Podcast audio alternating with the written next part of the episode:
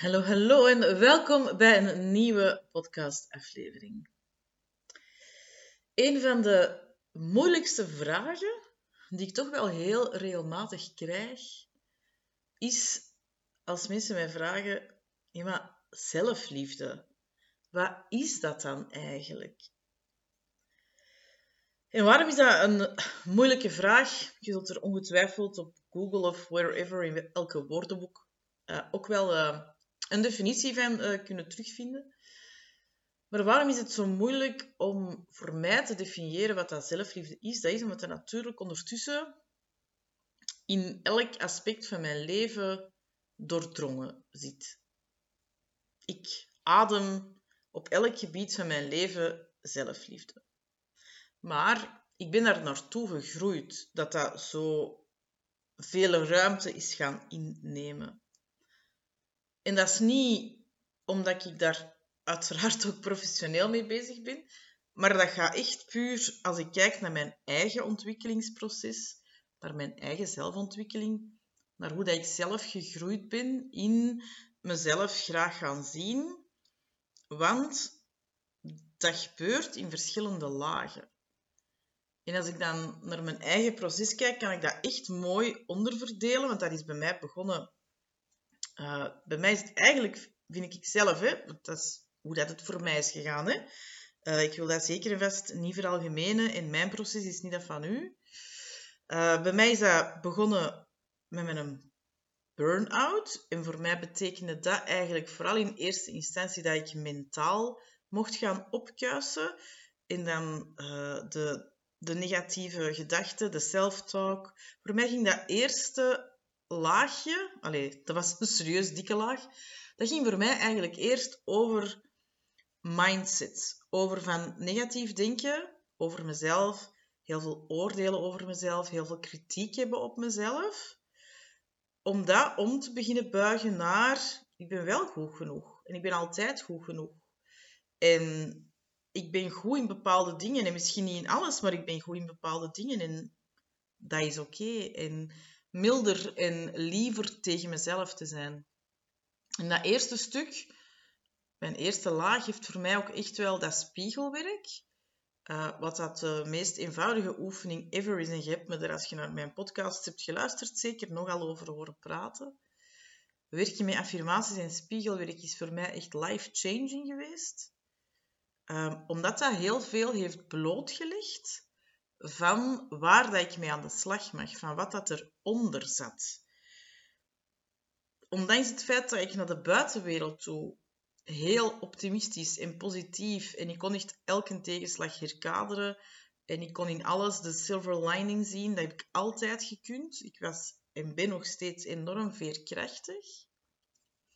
Maar dat was, als ik dan door mijn burn-out moest ik stilstaan, dat was eigenlijk een beschermingsmechanisme om toch maar die stukken van mezelf die ik lelijk vond, die ik niet oké vond, om die toch maar niet te moeten laten zien aan de mensen rond mij. Die stukken waar ik zelf heel veel last van had, die waar ik zelf van ging lopen. En ik ging toen lopen gewoon puur van samen zijn met mezelf. Ik vond het echt verschrikkelijk. Omdat ik niet kon genieten van mijn eigen gezelschap.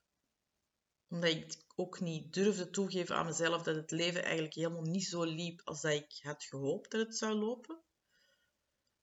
Ehm, en voor mij heeft dat, ja, die eerste laag echt zo gezorgd voor daar bewust van worden.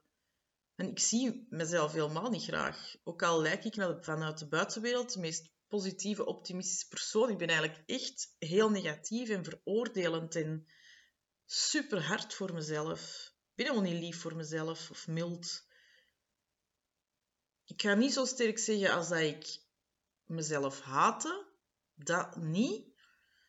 Maar ik was niet graag bij mezelf. Alleen met mezelf. Ik vond dat echt niet leuk. Ik ging lopen van mezelf. Ik was altijd op pad. Ik was altijd onderweg. Ik was altijd druk bezig. Ik was altijd omringd door mensen. En dat waren ook niet altijd de juiste mensen. Als je er achteraf op terugkijkt. Hè. Uiteindelijk hebben die mensen mij altijd heel veel geleerd. En dat is vaak pas als je er achteraf op terugkijkt, dat je dat begint in te zien. Hè? Van, ah ja, eigenlijk iedereen die op mijn pad is gekomen, heeft mij eigenlijk wel veel geleerd. Lessen, soms harde lessen, soms heel pijnlijke lessen, hartverscheurende lessen. Ehm, maar die waren er allemaal voor een reden. Die zijn allemaal ook voor een reden op mijn pad gekomen.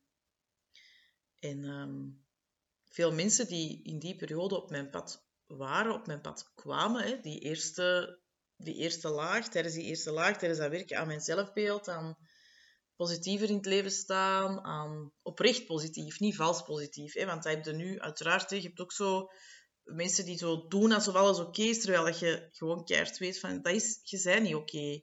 Maar vertel het mij, zeg het mij. Ik kan niet... Allee, ik kan u een spiegel voorhouden, maar als jij niet wilt... Je hart wilt openstellen en eerlijk wilt zijn over hoe het echt met u gaat, en dan gaat alles wat ik vertel, alles wat ik zeg, gaat ook niet binnenkomen. Dus je kunt mensen niet forceren om stappen te zetten als ze zelf nog niet klaar zijn om dat te doen. Um, en ja, de mensen die, die toen op dat moment in mijn leven waren, waren ook mensen die alleen maar die, uh, die hyperversie van mij hebben gezien, die uberpositieve versie van mij hebben gezien. En als je daar achteraf terugkijkt, dan denk je, man, hoeveel maskers heb ik opgezet? Hoe vermoeiend was dat? Niet moeilijk dat ik een burn-out heb gekregen, want ja, ik was gewoon uitgeput van doen alsof, van faken, van nooit mezelf zijn. Uiteraard waren er wel mensen waar dat ik mezelf bij kon zijn. En die mensen zijn vandaag nog altijd in mijn leven.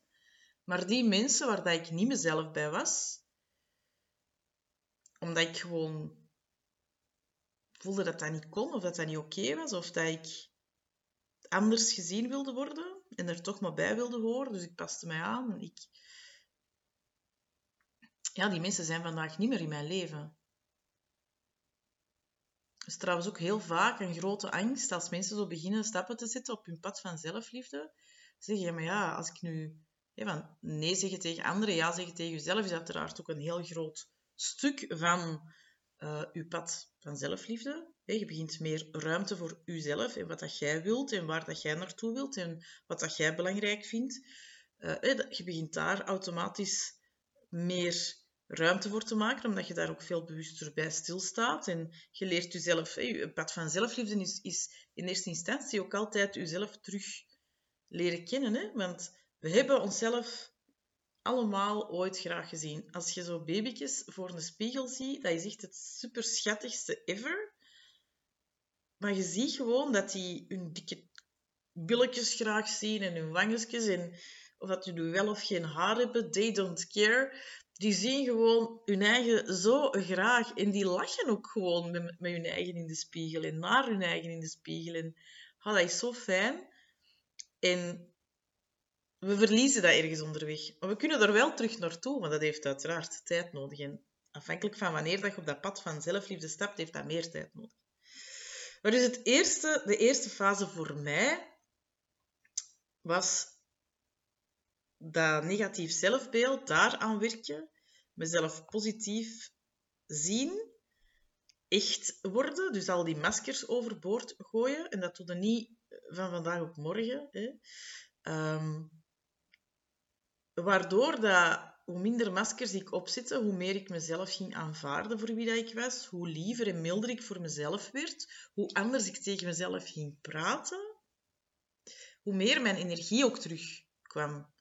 Want ik moest geen energie meer steken in doen alsof, in onthouden wat ik tegen wie gezegd had, in onthouden welke rol ik bij wie moest spelen. En dat is zo ontzettend verruimend en verlichtend.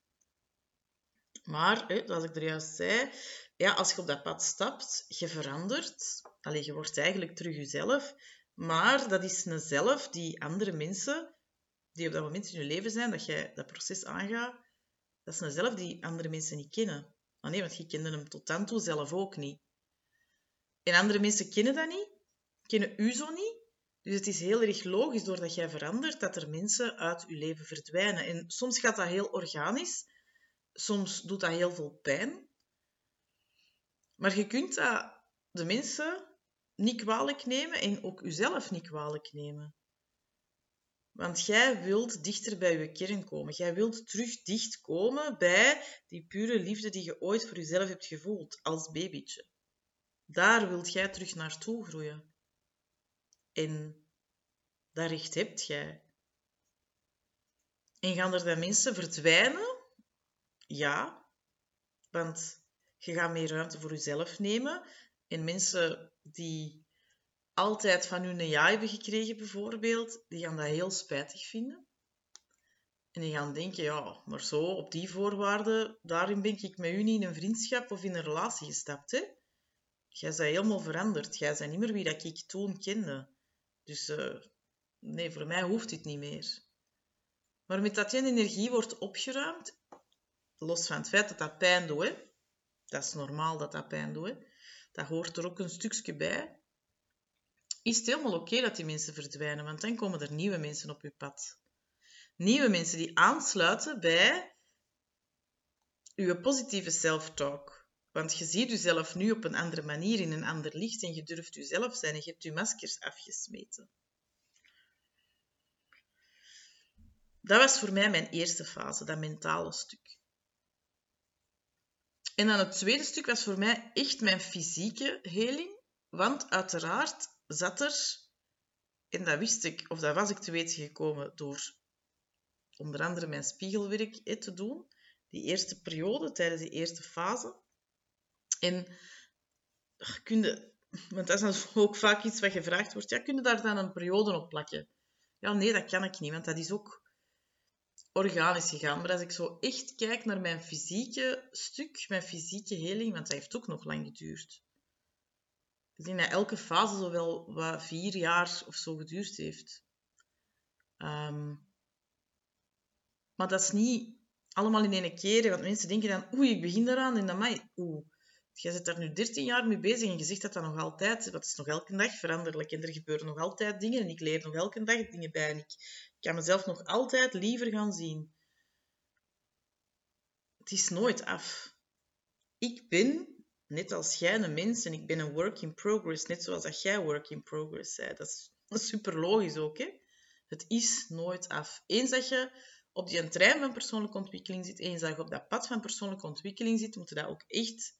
Allee, je moet niks, maar mocht je dat ook echt beseffen, neem dat mee. Het is nooit af. En het wordt alleen maar mooier. Maar je hebt werk te doen om oude patronen los te laten. En mijn fysieke heling kwam in 2014. Toen was ik vier jaar bezig met persoonlijke ontwikkeling. In 2013, 2014. Toen dat ik uh, besloot om eindelijk alle rotzooi die nog in mij leefde aan onverwerkte emoties, om daar heel bewust mee aan de slag te gaan. En dat bracht fysiek van alles in beweging. Dat zette fysiek van alles in beweging. Mijn mannendieet, mijn flamingos, daar vertel ik daar vaak over. Omdat dat proces heel veel bij mij gedaan heeft en dat voor hen herkenbaar is. Die lachen er dan ook mee. Ja, mijn, eh, mijn mannendieet. Ik ben 18 maanden op mannendieet geweest. Omdat daar mijn grote wond zat van gezien worden.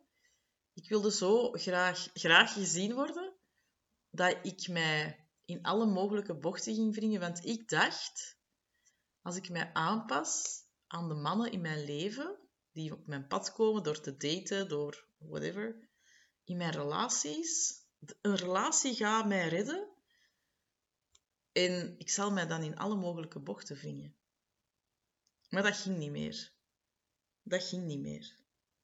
Daarvoor was ik mezelf al te graag gaan zien dat ik op een bepaald moment echt zoiets had van Deze is echt genoeg geweest. Ik had mannendieet 18 maanden. En daar heb ik mijn emotionele opkuis gedaan. Heel grondig. Dus als je mij vraagt, Lies, heb je tips om gezond om te gaan met emoties? Ja, die heb ik.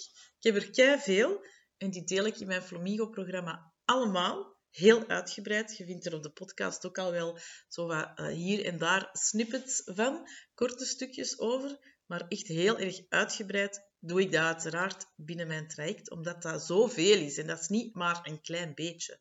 Dat is heel erg, ja, dat is gewoon heel erg belangrijk en heel erg uitgebreid.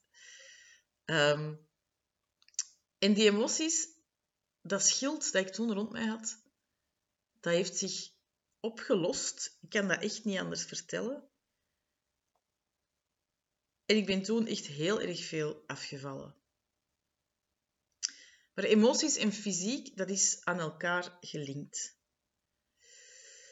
En ehm, ik ben heel erg gevoelig aan stress. Dat is echt mijn Achillespees. En dat heeft, op momenten dat dat verschijnt in mijn leven, ehm, een nefast effect op mijn lijf.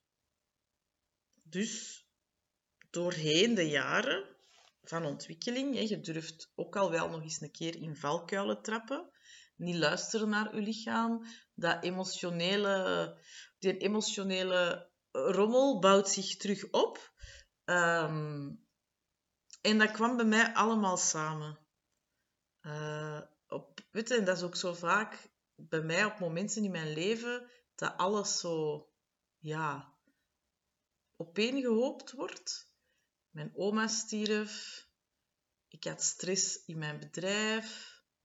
Ik twijfelde. Ik had een job toen die helemaal niet meer liep zoals in het begin liep. En dat bracht van alles in beweging. En dat gaf mij vooral stress. En ik ben toen echt op een heel ongezonde manier voor mij met die stress omgegaan. Want wat heb ik gedaan? Niet geluisterd naar mijn lichaam. Niet geluisterd naar het feit dat ik terug met die emoties aan de slag mocht gaan. Want die emoties waren er, maar ik heb die echt een half jaar of zo weggeduwd. En dat heeft ervoor gezorgd dat ik uh, op een bepaald moment aan mijn lijf zei: Nu is het gedaan. Nu is het echt gedaan. Ik zie dat je terug tegen de muur aan het lopen bent. Ik weet dat je al kei veel stappen hebt gezet. Maar ik ga er even de sticker uittrekken. Want anders gaan we terug naar 2010. En dat wil ik niet. Je hebt nu die afgelopen negen jaar zoveel stappen gezet dat ik het echt zo spijtig zou vinden als je helemaal teruggecatapulteerd zou worden naar het begin. Dus ik trek er de sticker uit, zodat je drie maanden ik heb echt drie maanden plat gelegen, want ik kon letterlijk niet uit de voeten. Door een reuma-opstoot. Reuma waarvan ik tot dan toe niet wist dat ik dat had. Maar kijk, dat had ik dus blijkbaar al lang sluipend in mijn lijf zitten.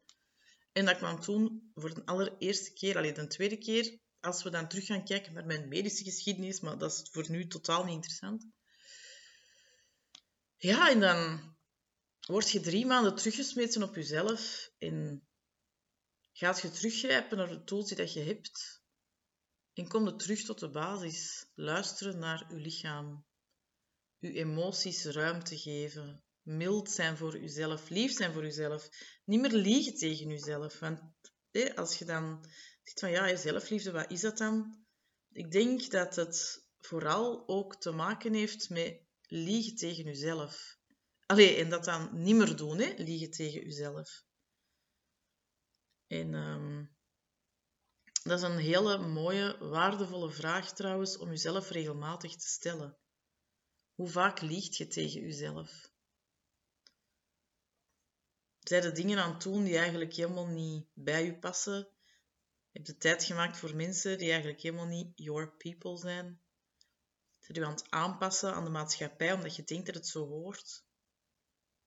Zeg je ja op automatische piloot, terwijl je eigenlijk echt in alles nee voelt? Blijf je maar ongezonde coping mechanisms in leven houden omdat je denkt dat het niet anders kan? Terwijl dat je goed genoeg weet dat het anders kan, maar dat je ook weet dat dat energie gaat vergen en tijd gaat vergen. Dat dat dapperheid vergt om het anders te gaan doen. Liegen tegen jezelf. Volgens mij is dat het tegenovergestelde van jezelf graag zien. Omdat daar echt bij hoort dat je, jezelf, dat je eerlijk bent tegen jezelf en dat je ja, jezelf ook blijft ondersteunen. Um, dus dat heb ik in die drie maanden ook gedaan. Ik werd teruggesmeten op mezelf. ik moest terug eerlijk zijn tegen mezelf. En um, dat zindert altijd nog wel een beetje na. Dus ik denk 2019 dat dat niet het jaar is geweest waarin dat ik de beste beslissingen voor mezelf heb genomen. Alleen wel de beste beslissingen voor mezelf op dat moment. En elke keuze die ik toen gemaakt heb, is ook een keuze geweest uit liefde voor mezelf. En ik ben toen bijvoorbeeld terug voltijds gaan werken. Maar dat was puur... Ja, dat was eigenlijk uit, financiële, uh, uit financieel oogpunt. Totdat ik echt zo op het einde van het jaar zoiets had van... Oké, nu, heb ik, nu heb ik mijn put terug... Uh, nu is mijn put terug gevuld. En nu is het ook echt wel klaar. Nu ben ik er ook echt wel klaar mee om te doen alsof. Om hier niet alles uit de kast te halen. Uh, ik heb doodsangsten uitgestaan dat er echt iets mega serieus aan de hand was met mijn lichaam toen. Dat ik er nooit meer van ging genezen, want ik heb echt nog nooit zoveel pijn gehad. En ik dacht echt, nee, dit niet meer. Ik wil nooit meer liegen tegen mezelf. Nooit meer. En um, dat heeft heel veel opengebroken. Er is toen heel veel ruimte gekomen. Al een geluk, want een paar maanden daarna was dan ineens corona. En doordat er zoveel gebeurd was en doordat ik in die tien jaar daarvoor echt zo ontzettend hard aan mezelf gewerkt heb, kon ik niet alleen op dat moment ruimte bieden aan mezelf, maar kon ik ook echt ruimte bieden aan de vrouwen waar ik op dat moment mee werkte. En daar is sindsdien ook alleen maar meer en meer en meer en meer ruimte gekomen. Hoe meer ruimte dat ik aan mezelf geef, hoe meer ruimte dat er ook langs een andere kant komt. Hoe meer dat ik mezelf graag zie, hoe meer ruimte dat ik ook anderen geef om zichzelf graag te zien. En hoe meer... Want ze krijgen niet toestemming van mij, want je hebt echt geen toestemming van mij nodig om je eigen graag te zien. Moesten die nodig hebben, hebben die hier bij deze gekregen. Hier en nu. Hop, alsjeblieft. Echt waar. It's gonna change your life als je jezelf graag gaat zien. Maar omdat je, omdat ik mezelf echt heel graag zie, zet je daar wel een voorbeeld in voor anderen. Zien anderen wat er allemaal mogelijk is. Dat het na een periode van struggelen, uitdagingen, obstakels, oude patronen onderuit halen, nieuwe gewoontes implementeren. En dat, dat ook gewoon, dat, heeft gewoon tijd nodig. Allee, dat is niet van, dat, is, dat doe je niet op drie maanden, dat doe je niet op zes maanden. Daar heb je tijd voor nodig. En dat is ook tijd dat je jezelf mocht gunnen. En dat ook heel erg belangrijk is dat je ik heb dat in de vorige podcast gezegd, het heeft tijd nodig. Wees geduldig met uzelf. Ga dat proces aan. Maar weet dat uzelf terug graag gaan zien, dat dat een, ja, dat dat een proces van jaren is en dat dat ook nooit af is. Bij mij is dat ook nooit af. Maar zelfliefde is zo'n schone cadeau die dat je jezelf kunt geven. Het is, ja, niet meer liegen tegen jezelf ja zeggen tegen jezelf. U niet meer hoeven aan te passen. Weten dat je het waard bent om graag gezien te worden. Altijd. Het feit dat je geboren bent, maakt u het waard om graag gezien te worden. You deserve to be loved. Echt op elk moment van uw leven. En ja, die zelfliefde is ook echt terugkeren naar zo die onschuld als kind. Weten dat alles kan, dat alles mogelijk is. En vooral ook weten en beseffen dat je veilig bent. Ongeacht welke stappen dat je zet, ondanks de fouten die je maakt, ondanks de mensen die misschien je pad kruisen, die niet altijd het beste met je voor hebben. Maar je bent altijd veilig. Als je jezelf graag ziet, dan kun je altijd terugkeren naar je kern. Je kunt altijd terugkeren naar je basis, naar een veilige haven die dat je voor jezelf hebt gecreëerd in jezelf. Want uiteindelijk, met jezelf gaat het overblijven. Hè? Iedereen anders rond u kan wegvallen, om welke reden dan ook. Maar je blijft met jezelf je hele leven over. Je blijft met jezelf je hele leven opgescheept. En dan kun je je eigen maar best tof vinden. Kun je maar beter het beste met je voor hebben. En ook gewoon echt puur jezelf zijn. En dat is wat voor mij die zelfliefde is. En dat betekent niet, want ik krijg dan ook vaak terug, ja, maar dan, dan zijn je egoïstisch en ja, jij leeft niet mee met mensen. En doordat mijn hart zo open staat, doordat ik mijzelf zo graag zie, is er daardoor ook ruimte om een ander te zien zoals dat hij of zij is. Om een ander ruimte te geven om te zijn zoals hij of zij is. Om ook de ander onvoorwaardelijk graag te zien. Omdat ik weet hoe het voelt om uzelf onvoorwaardelijk graag te zien, gun ik dat ook een ander. En van daaruit ontstaan er zoveel mooie shifts in relaties ook. Zoveel verdiepingen als je daar ja, ruimte voor creëert. Dus kijk, geen kort antwoord op de vraag wat is zelfliefde dan? Misschien voor u ook geen duidelijk antwoord. Ik hoop van wel dat je gevoeld hebt wat het betekent, misschien eerder dan het uit mijn woorden hebt afgeleid. Wilt je zelf aan de slag met uw zelfliefde level? Wilt je dat echt opkrikken tot in het oneindige? en wilt je dat levenslang met mij doen? Dan kun je al eens een keer gaan kijken op de website uh, wat het Flamingo-programma voor u allemaal kan betekenen. Dat is mijn levenslange roadmap naar zelfliefde, waarin ik u echt levenslang, want er zijn, ik heb het acht jaar geleden voor de eerste keer gelanceerd, alleen de zomer van 2017, dus ik lanceer het nu voor de achtste keer. Er zijn straffe madammen die al sinds de zomer van 2017 elke week door mij gecoacht worden. Zelfs meerdere keren per week, afhankelijk van hoeveel tijd en ruimte dat je maakt. Dus uh, het kan ook voor u. Uh, ik ben altijd heel erg trots op dit traject. Ik vind het het allermooiste traject dat ik in de wereld zit. Het krijgt een mega upgrade nu in 2024. Want ik ga alle lessen terug opnemen. Niet omdat de oude niet goed waren, maar gewoon omdat ik vandaag zo op een zoveel andere plek sta dan uh, acht jaar geleden. En ik vooral die energie ook terug wil brengen in de lessen. Dus er komen echt superveel nieuwe dingen aan. Programma wordt ook weer veel uitgebreider. Dat is ook elk jaar al zo geweest. Het wordt uitgebreider, je krijgt nog meer van mij. Um, dus ja, als je levenslang wilt werken aan je level van zelfliefde, met ups en downs, want dat betekent ook echt dat er op elk moment iemand is die u zal coachen doorheen de uitdagingen die in uw leven op uw pad komen. Dus um, ga het eens bekijken, www.flamingo.be. Flamingo, maar dan met een W tussen. Ik zal het ook hier in de show notes, in de notities zitten, zodat je er naartoe kunt surfen. En uh, als je je op de wachtlijst zit, dan kun je u tussen 12 en 15 januari, het is het mijn lanceerweekend, dan doe ik officieel de deuren terug open. Maar dan kun je via de wachtlijst inschrijven aan de beste voorwaarden, krijg je een korting en zijn er dat weekend ook enkele exclusieve bonussen te rapen. Dus uh, ik uh, hoor u heel graag terug, of jij hoort mij graag terug hopelijk, in de volgende podcastaflevering.